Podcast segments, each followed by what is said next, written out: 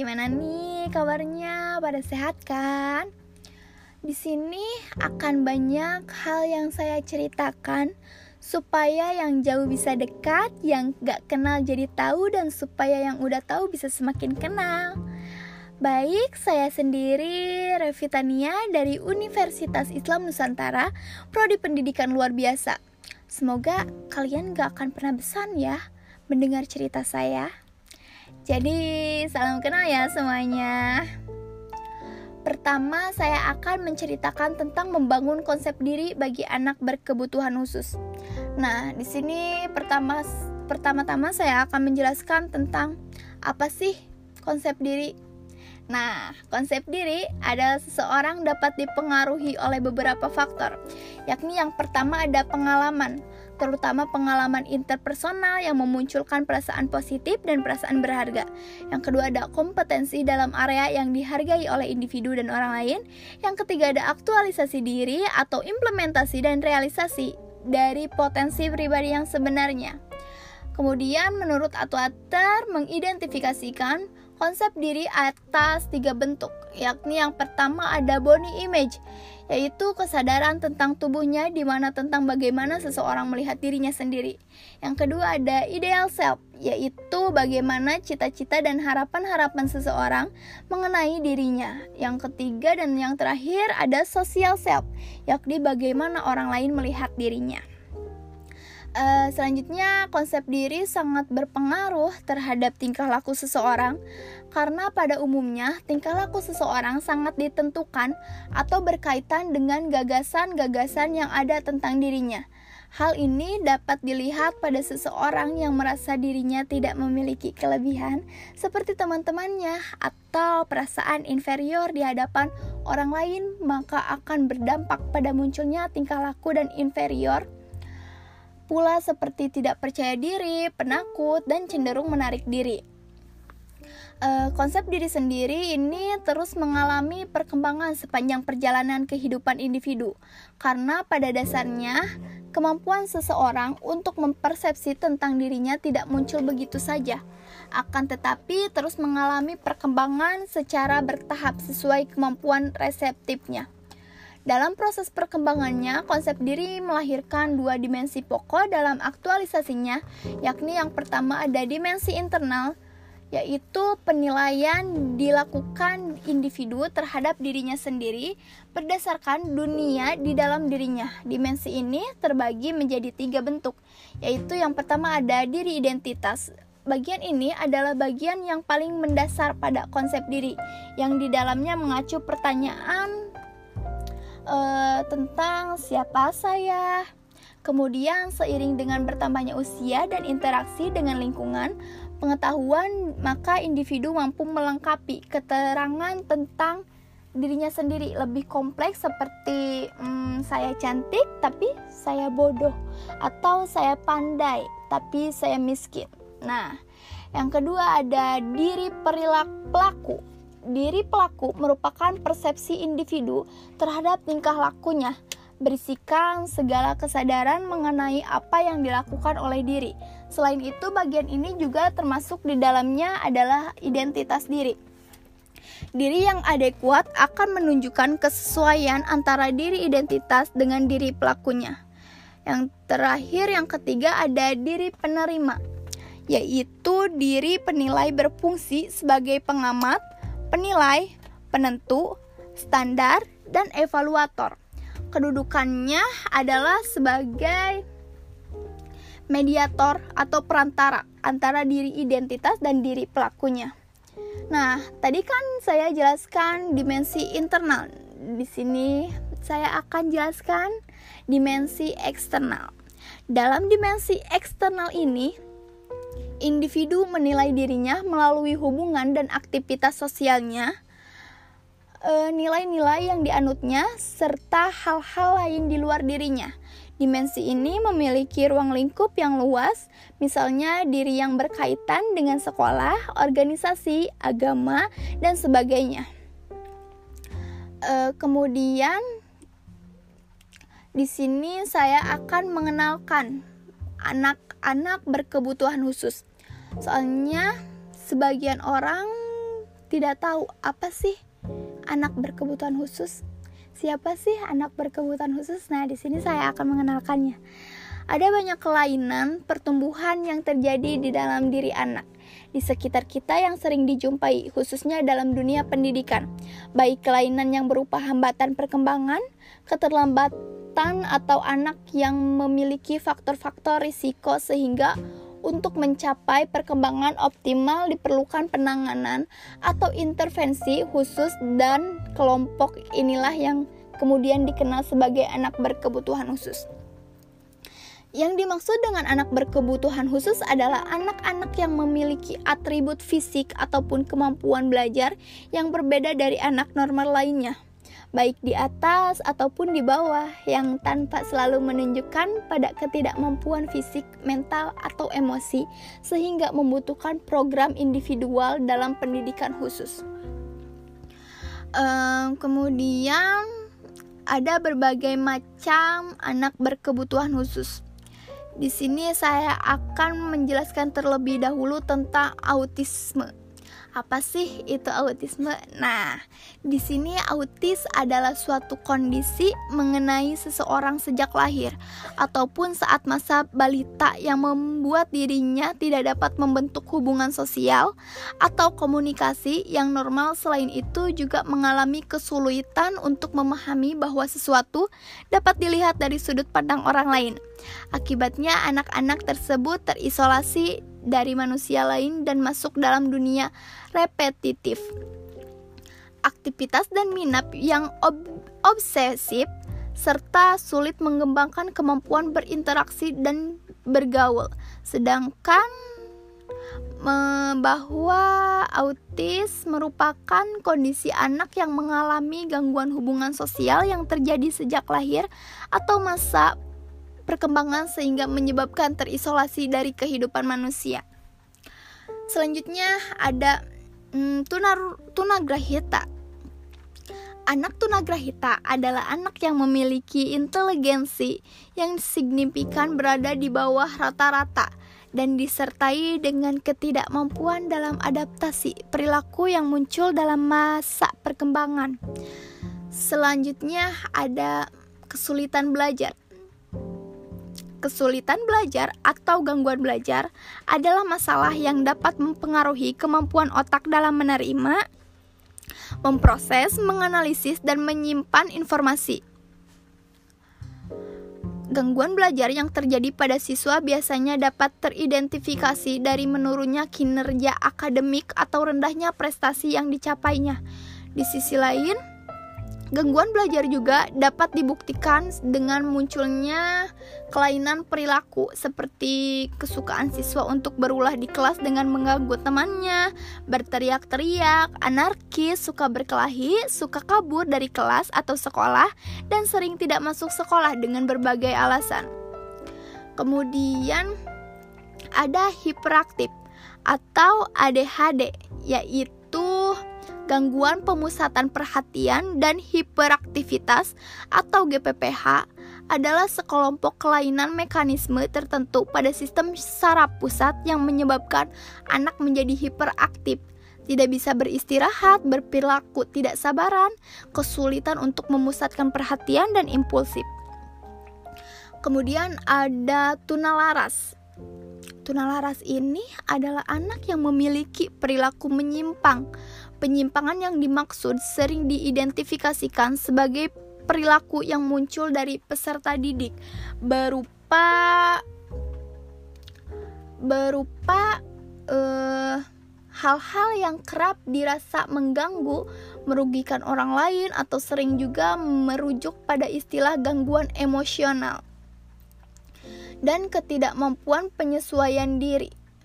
Perilaku menyimpang dapat terdeteksi melalui gejala perilaku atau partisipasi siswa di kelas, situasi bermain, kemampuan berkomunikasi atau interaksi sosial, agresi fisik, ancaman perilaku destruktif, tindakan yang tidak sesuai dengan norma-norma, ke kelambatan dalam prestasi dan keterampilan akademik, perasaan takut, rasa bersalah, dan ekspre ekspresi verbal lainnya.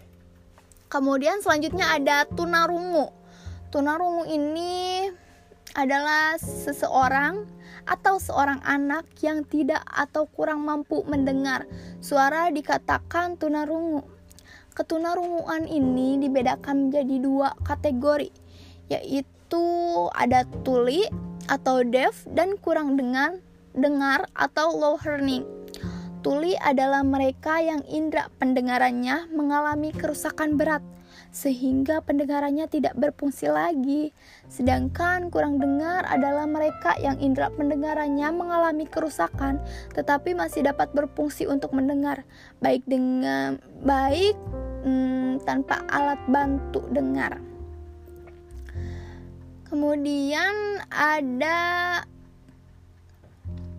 perkem kemudian ada maaf kemudian ada anak tunanetra anak tunanetra ini yang mengalami hambatan penglihatan atau tunanetra memiliki perkembangan yang berbeda dengan anak-anak berkebutuhan khusus lainnya. Tidak ada tidak hanya dari sisi penglihatan tetapi juga dari hal-hal lain. Selanjutnya ada tunadaksa. Pengertian anak tunadaksa secara etimologis yaitu seorang yang mengalami kesulitan mengoptimalkan fungsi anggota tubuh sebagai akibat dari luka, penyakit, pertumbuhan yang salah bentuk, dan akibatnya kemampuan untuk melakukan gerakan-gerakan tubuh tertentu mengalami penurunan. E, selanjutnya ada tunaganda. Nah, tunaganda ini adalah mereka yang mempunyai kelainan perkembangan mencangkup kelompok yang mempunyai hambatan perkembangan neuro neurologis yang disebabkan oleh satu atau dua kombinasi kelainan dalam kemampuan seperti inteligensi gerak, bahasa, atau hubungan-hubungan pribadi masyarakat. Selanjutnya ada anak berbakat. Ciri umum anak berbakat ialah memiliki kecerdasan tinggi dari anak normal lainnya sebagaimana diukur oleh alat ukur kecerdasan IQ yang sudah baku. Uh, Selanjutnya, saya akan menjelaskan tentang konsep diri bagi anak berkebutuhan khusus. Nah, pembentukan konsep diri sangat dipengaruhi oleh bagaimana kondisi individu secara keseluruhan, sebagaimana disebutkan di atas bahwa ada tiga faktor pembentuk konsep diri yang meliputi pengalaman, kompetensi dalam area yang dihargai oleh individu dan orang lain, serta aktualisasi diri atau implementasi dan realisasi dari potensi pribadi yang sebenarnya. Pada anak berkebutuhan khusus dengan begitu banyak keterbatasan baik secara fisik maupun mental tentu menjadi hal yang tidak mudah dalam membangun konsep diri yang positif bagi mereka.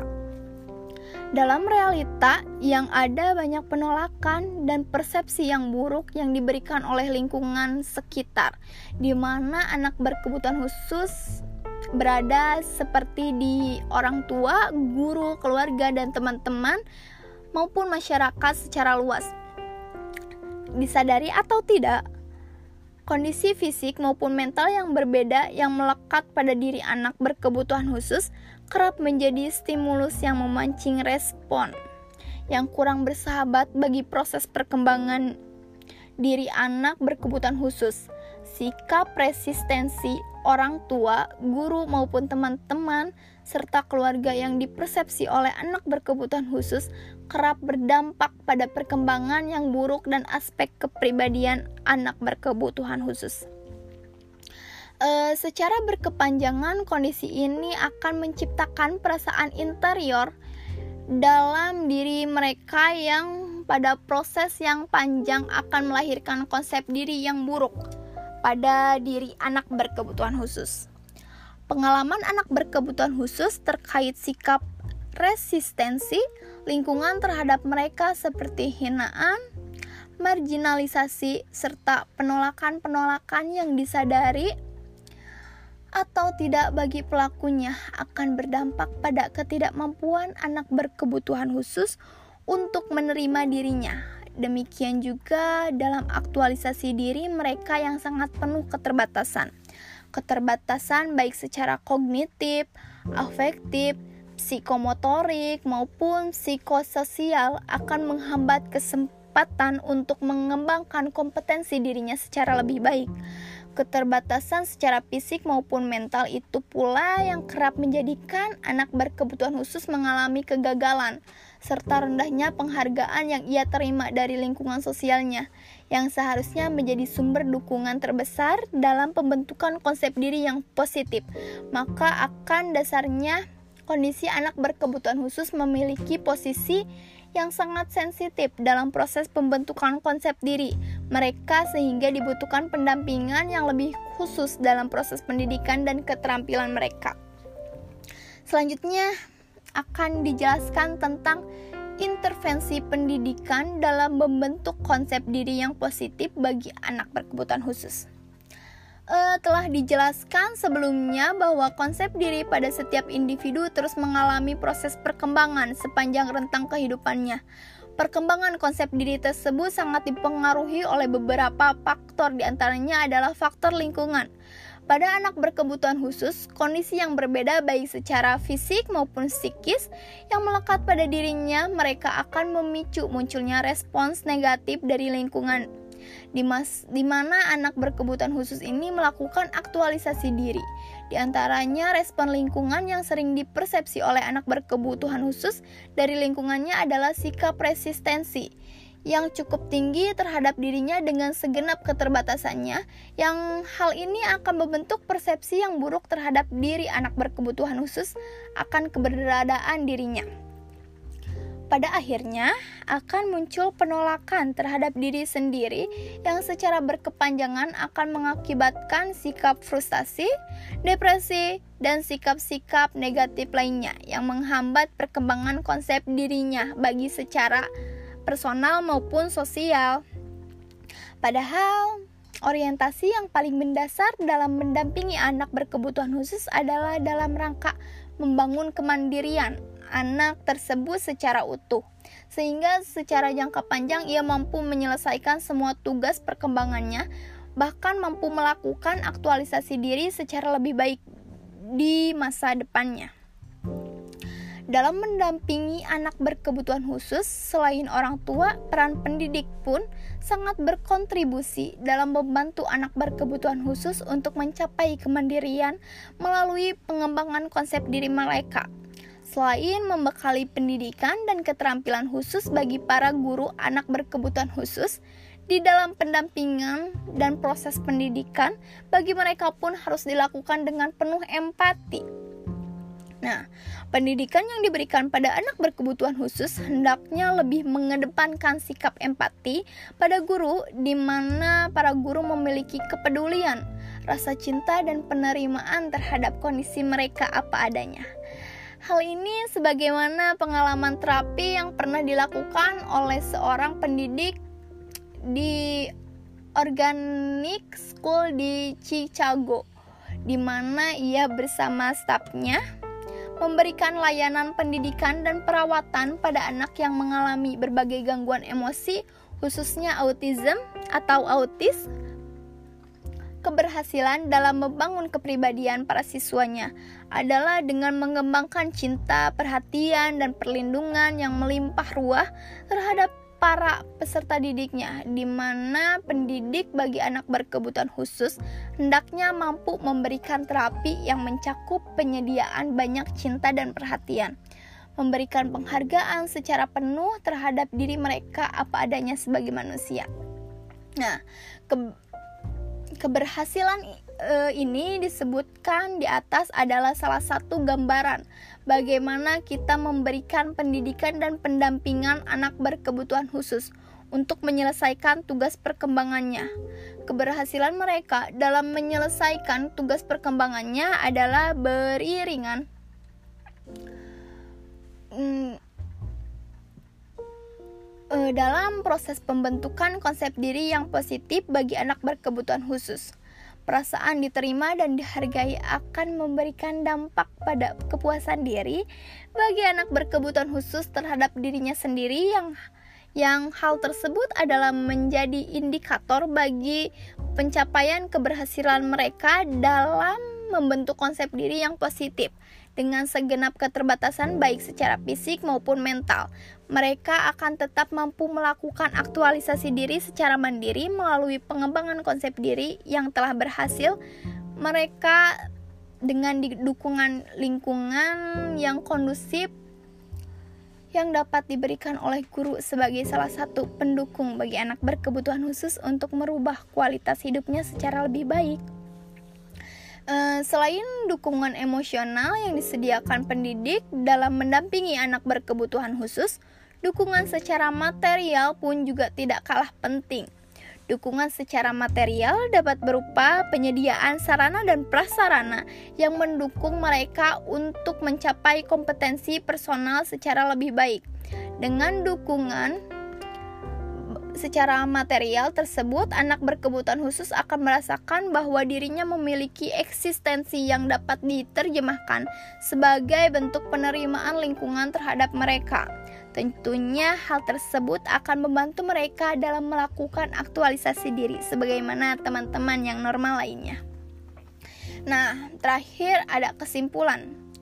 Simpulan dari penjelasan tersebut adalah setiap individu memiliki hak untuk mengembangkan kepribadiannya, perkembangan kepribadian dalam diri. Setiap individu sangat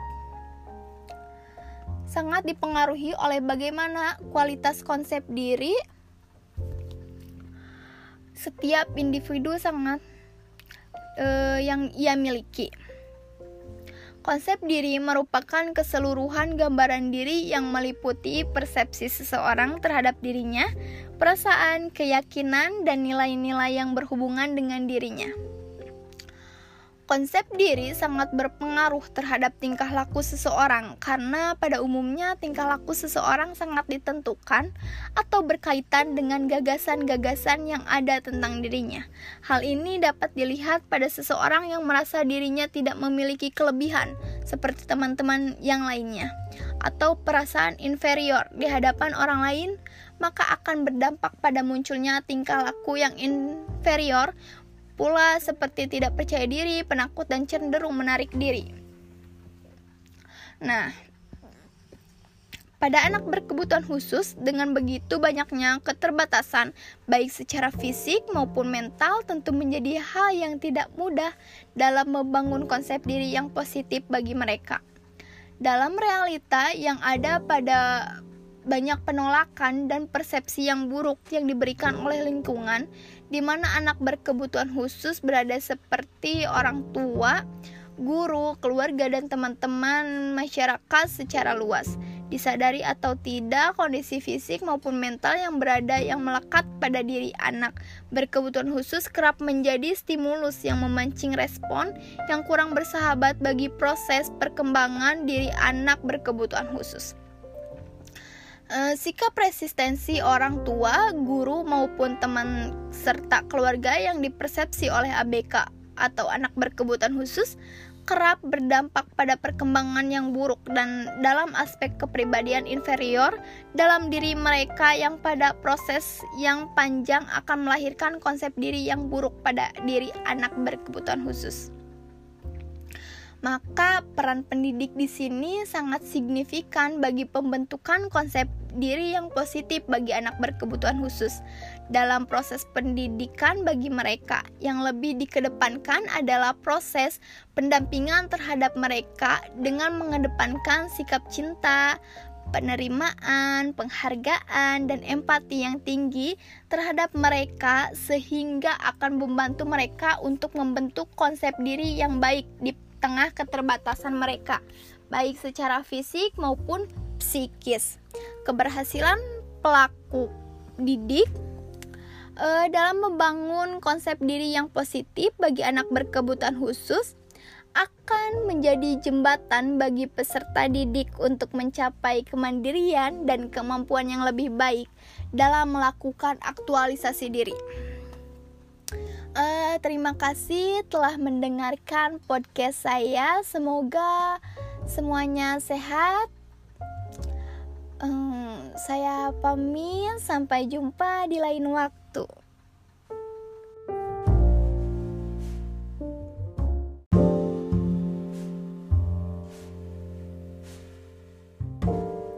Halo semuanya, hmm, gimana nih kabarnya? Pada sehat kan? Di sini akan banyak hal yang saya ceritakan supaya yang jauh bisa dekat, yang gak kenal jadi tahu, dan supaya yang udah tahu bisa semakin kenal. Baik, saya sendiri Revitania dari Universitas Islam Nusantara, Prodi Pendidikan Luar Biasa.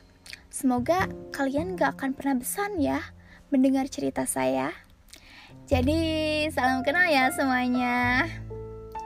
Pertama, saya akan menceritakan tentang membangun konsep diri bagi anak berkebutuhan khusus.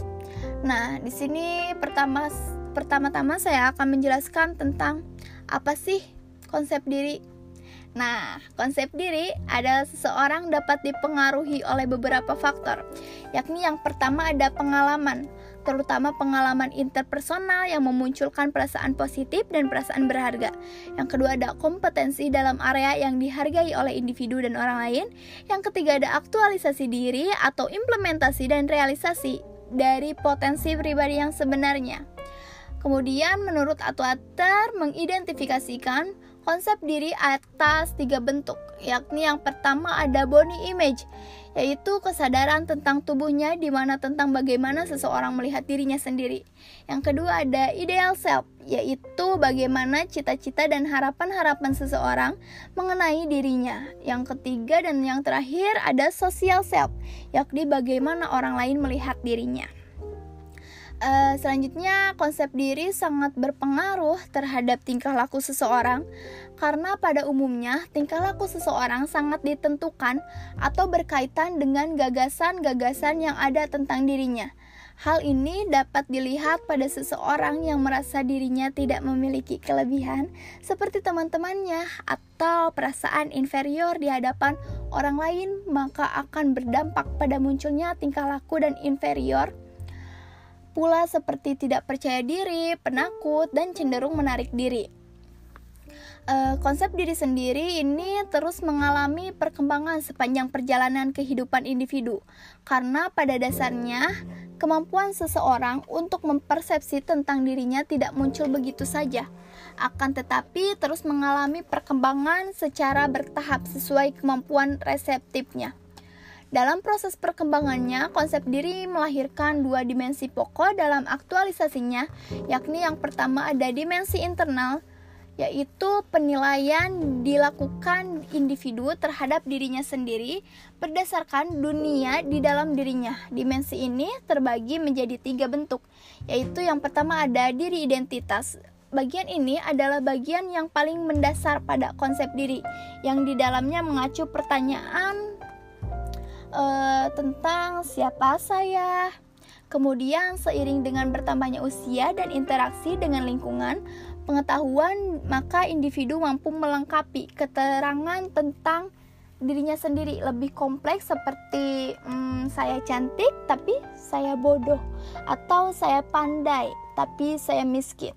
Nah, yang kedua ada diri perilaku pelaku diri pelaku merupakan persepsi individu terhadap tingkah lakunya, berisikan segala kesadaran mengenai apa yang dilakukan oleh diri. Selain itu, bagian ini juga termasuk di dalamnya adalah identitas diri. Diri yang adekuat akan menunjukkan kesesuaian antara diri identitas dengan diri pelakunya. Yang terakhir, yang ketiga ada diri penerima, yaitu diri penilai berfungsi sebagai pengamat, penilai, penentu, standar, dan evaluator. Kedudukannya adalah sebagai mediator atau perantara antara diri identitas dan diri pelakunya. Nah, tadi kan saya jelaskan dimensi internal. Di sini saya akan jelaskan dimensi eksternal. Dalam dimensi eksternal ini, individu menilai dirinya melalui hubungan dan aktivitas sosialnya, e, nilai-nilai yang dianutnya, serta hal-hal lain di luar dirinya. Dimensi ini memiliki ruang lingkup yang luas, misalnya diri yang berkaitan dengan sekolah, organisasi, agama, dan sebagainya. E, kemudian, di sini saya akan mengenalkan anak-anak berkebutuhan khusus. Soalnya sebagian orang tidak tahu apa sih anak berkebutuhan khusus. Siapa sih anak berkebutuhan khusus? Nah, di sini saya akan mengenalkannya.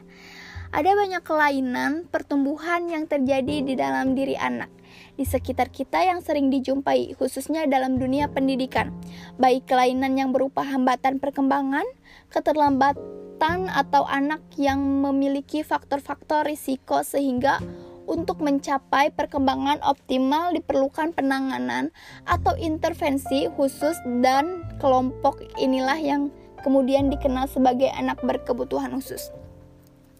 Yang dimaksud dengan anak berkebutuhan khusus adalah anak-anak yang memiliki atribut fisik ataupun kemampuan belajar yang berbeda dari anak normal lainnya, baik di atas ataupun di bawah, yang tanpa selalu menunjukkan pada ketidakmampuan fisik, mental, atau emosi, sehingga membutuhkan program individual dalam pendidikan khusus. Um, kemudian ada berbagai macam anak berkebutuhan khusus. Di sini saya akan menjelaskan terlebih dahulu tentang autisme. Apa sih itu autisme? Nah, di sini autis adalah suatu kondisi mengenai seseorang sejak lahir ataupun saat masa balita yang membuat dirinya tidak dapat membentuk hubungan sosial atau komunikasi yang normal. Selain itu juga mengalami kesulitan untuk memahami bahwa sesuatu dapat dilihat dari sudut pandang orang lain. Akibatnya anak-anak tersebut terisolasi dari manusia lain dan masuk dalam dunia repetitif. Aktivitas dan minat yang ob obsesif serta sulit mengembangkan kemampuan berinteraksi dan bergaul. Sedangkan bahwa autis merupakan kondisi anak yang mengalami gangguan hubungan sosial yang terjadi sejak lahir atau masa perkembangan sehingga menyebabkan terisolasi dari kehidupan manusia. Selanjutnya ada hmm, tunar, tunagrahita. Anak tunagrahita adalah anak yang memiliki inteligensi yang signifikan berada di bawah rata-rata dan disertai dengan ketidakmampuan dalam adaptasi perilaku yang muncul dalam masa perkembangan. Selanjutnya ada kesulitan belajar. Kesulitan belajar atau gangguan belajar adalah masalah yang dapat mempengaruhi kemampuan otak dalam menerima, memproses, menganalisis, dan menyimpan informasi. Gangguan belajar yang terjadi pada siswa biasanya dapat teridentifikasi dari menurunnya kinerja akademik atau rendahnya prestasi yang dicapainya. Di sisi lain, Gangguan belajar juga dapat dibuktikan dengan munculnya kelainan perilaku seperti kesukaan siswa untuk berulah di kelas dengan mengganggu temannya, berteriak-teriak, anarkis, suka berkelahi, suka kabur dari kelas atau sekolah, dan sering tidak masuk sekolah dengan berbagai alasan. Kemudian ada hiperaktif atau ADHD, yaitu gangguan pemusatan perhatian dan hiperaktivitas atau GPPH adalah sekelompok kelainan mekanisme tertentu pada sistem saraf pusat yang menyebabkan anak menjadi hiperaktif, tidak bisa beristirahat, berperilaku tidak sabaran, kesulitan untuk memusatkan perhatian dan impulsif. Kemudian ada tunalaras.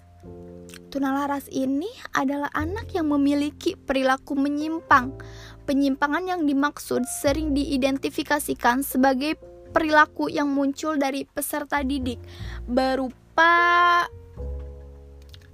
berupa uh, hal-hal yang kerap dirasa mengganggu, merugikan orang lain atau sering juga merujuk pada istilah gangguan emosional dan ketidakmampuan penyesuaian diri.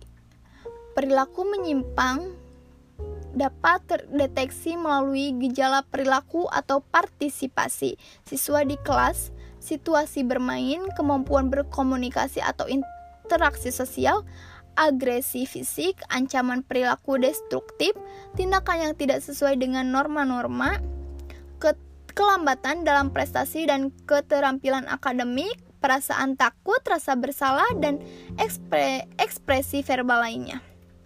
Kemudian selanjutnya ada tunarungu. Tunarungu ini adalah seseorang atau seorang anak yang tidak atau kurang mampu mendengar suara dikatakan tunarungu. Ketunarunguan ini dibedakan menjadi dua kategori, yaitu ada tuli atau deaf dan kurang dengar, dengar atau low hearing. Tuli adalah mereka yang indera pendengarannya mengalami kerusakan berat sehingga pendengarannya tidak berfungsi lagi. Sedangkan kurang dengar adalah mereka yang indera pendengarannya mengalami kerusakan tetapi masih dapat berfungsi untuk mendengar baik dengan baik hmm, tanpa alat bantu dengar.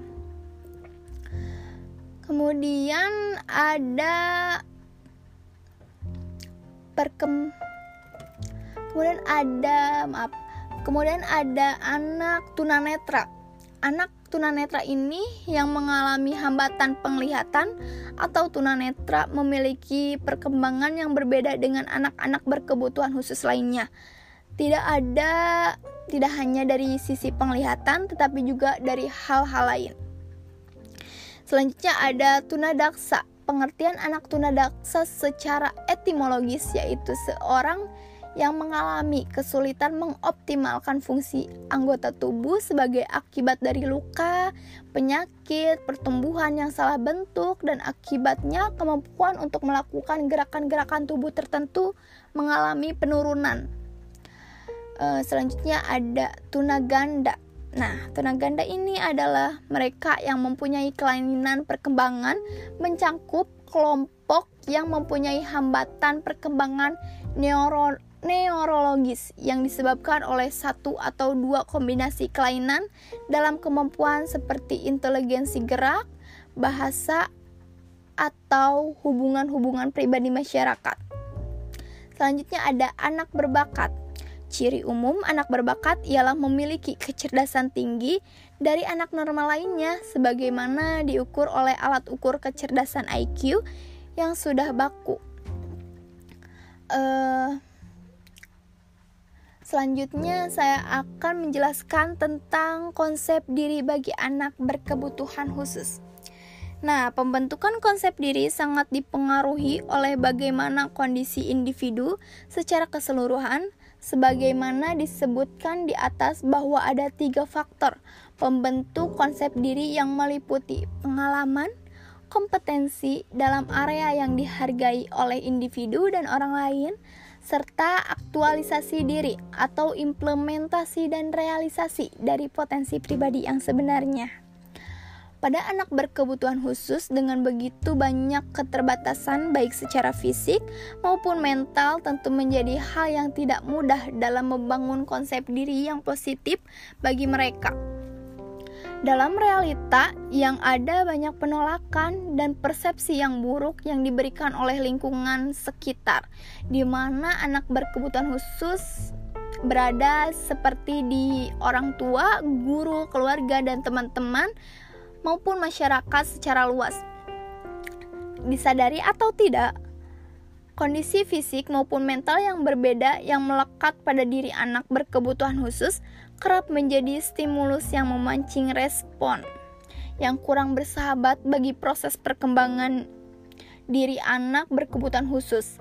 Sikap resistensi orang tua, guru maupun teman-teman serta keluarga yang dipersepsi oleh anak berkebutuhan khusus kerap berdampak pada perkembangan yang buruk dan aspek kepribadian anak berkebutuhan khusus. E, secara berkepanjangan, kondisi ini akan menciptakan perasaan interior dalam diri mereka yang pada proses yang panjang akan melahirkan konsep diri yang buruk pada diri anak berkebutuhan khusus. Pengalaman anak berkebutuhan khusus terkait sikap resistensi lingkungan terhadap mereka seperti hinaan, marginalisasi, serta penolakan-penolakan yang disadari atau tidak bagi pelakunya akan berdampak pada ketidakmampuan anak berkebutuhan khusus untuk menerima dirinya. Demikian juga dalam aktualisasi diri mereka yang sangat penuh keterbatasan. Keterbatasan baik secara kognitif, afektif, psikomotorik maupun psikososial akan menghambat kesempatan untuk mengembangkan kompetensi dirinya secara lebih baik. Keterbatasan secara fisik maupun mental itu pula yang kerap menjadikan anak berkebutuhan khusus mengalami kegagalan, serta rendahnya penghargaan yang ia terima dari lingkungan sosialnya, yang seharusnya menjadi sumber dukungan terbesar dalam pembentukan konsep diri yang positif. Maka akan dasarnya kondisi anak berkebutuhan khusus memiliki posisi yang sangat sensitif dalam proses pembentukan konsep diri mereka sehingga dibutuhkan pendampingan yang lebih khusus dalam proses pendidikan dan keterampilan mereka. Selanjutnya akan dijelaskan tentang intervensi pendidikan dalam membentuk konsep diri yang positif bagi anak berkebutuhan khusus uh, telah dijelaskan sebelumnya bahwa konsep diri pada setiap individu terus mengalami proses perkembangan sepanjang rentang kehidupannya. Perkembangan konsep diri tersebut sangat dipengaruhi oleh beberapa faktor, di antaranya adalah faktor lingkungan. Pada anak berkebutuhan khusus, kondisi yang berbeda baik secara fisik maupun psikis yang melekat pada dirinya, mereka akan memicu munculnya respons negatif dari lingkungan di, mana anak berkebutuhan khusus ini melakukan aktualisasi diri. Di antaranya respon lingkungan yang sering dipersepsi oleh anak berkebutuhan khusus dari lingkungannya adalah sikap resistensi yang cukup tinggi terhadap dirinya dengan segenap keterbatasannya yang hal ini akan membentuk persepsi yang buruk terhadap diri anak berkebutuhan khusus akan keberadaan dirinya pada akhirnya akan muncul penolakan terhadap diri sendiri yang secara berkepanjangan akan mengakibatkan sikap frustasi, depresi, dan sikap-sikap negatif lainnya yang menghambat perkembangan konsep dirinya bagi secara personal maupun sosial. Padahal orientasi yang paling mendasar dalam mendampingi anak berkebutuhan khusus adalah dalam rangka membangun kemandirian anak tersebut secara utuh, sehingga secara jangka panjang ia mampu menyelesaikan semua tugas perkembangannya, bahkan mampu melakukan aktualisasi diri secara lebih baik di masa depannya. Dalam mendampingi anak berkebutuhan khusus, selain orang tua, peran pendidik pun sangat berkontribusi dalam membantu anak berkebutuhan khusus untuk mencapai kemandirian melalui pengembangan konsep diri mereka Selain membekali pendidikan dan keterampilan khusus bagi para guru anak berkebutuhan khusus, di dalam pendampingan dan proses pendidikan, bagi mereka pun harus dilakukan dengan penuh empati. Nah, pendidikan yang diberikan pada anak berkebutuhan khusus hendaknya lebih mengedepankan sikap empati pada guru, di mana para guru memiliki kepedulian, rasa cinta, dan penerimaan terhadap kondisi mereka apa adanya. Hal ini sebagaimana pengalaman terapi yang pernah dilakukan oleh seorang pendidik di Organic School di Chicago, di mana ia bersama stafnya memberikan layanan pendidikan dan perawatan pada anak yang mengalami berbagai gangguan emosi, khususnya autism atau autis, keberhasilan dalam membangun kepribadian para siswanya adalah dengan mengembangkan cinta, perhatian, dan perlindungan yang melimpah ruah terhadap para peserta didiknya, di mana pendidik bagi anak berkebutuhan khusus hendaknya mampu memberikan terapi yang mencakup penyediaan banyak cinta dan perhatian, memberikan penghargaan secara penuh terhadap diri mereka apa adanya sebagai manusia. Nah, ke Keberhasilan e, ini disebutkan di atas adalah salah satu gambaran bagaimana kita memberikan pendidikan dan pendampingan anak berkebutuhan khusus untuk menyelesaikan tugas perkembangannya. Keberhasilan mereka dalam menyelesaikan tugas perkembangannya adalah beriringan. Hmm, uh, dalam proses pembentukan konsep diri yang positif bagi anak berkebutuhan khusus. Perasaan diterima dan dihargai akan memberikan dampak pada kepuasan diri bagi anak berkebutuhan khusus terhadap dirinya sendiri yang yang hal tersebut adalah menjadi indikator bagi pencapaian keberhasilan mereka dalam membentuk konsep diri yang positif dengan segenap keterbatasan baik secara fisik maupun mental. Mereka akan tetap mampu melakukan aktualisasi diri secara mandiri melalui pengembangan konsep diri yang telah berhasil. Mereka dengan dukungan lingkungan yang kondusif yang dapat diberikan oleh guru sebagai salah satu pendukung bagi anak berkebutuhan khusus untuk merubah kualitas hidupnya secara lebih baik. Uh, selain dukungan emosional yang disediakan pendidik dalam mendampingi anak berkebutuhan khusus, dukungan secara material pun juga tidak kalah penting. Dukungan secara material dapat berupa penyediaan sarana dan prasarana yang mendukung mereka untuk mencapai kompetensi personal secara lebih baik.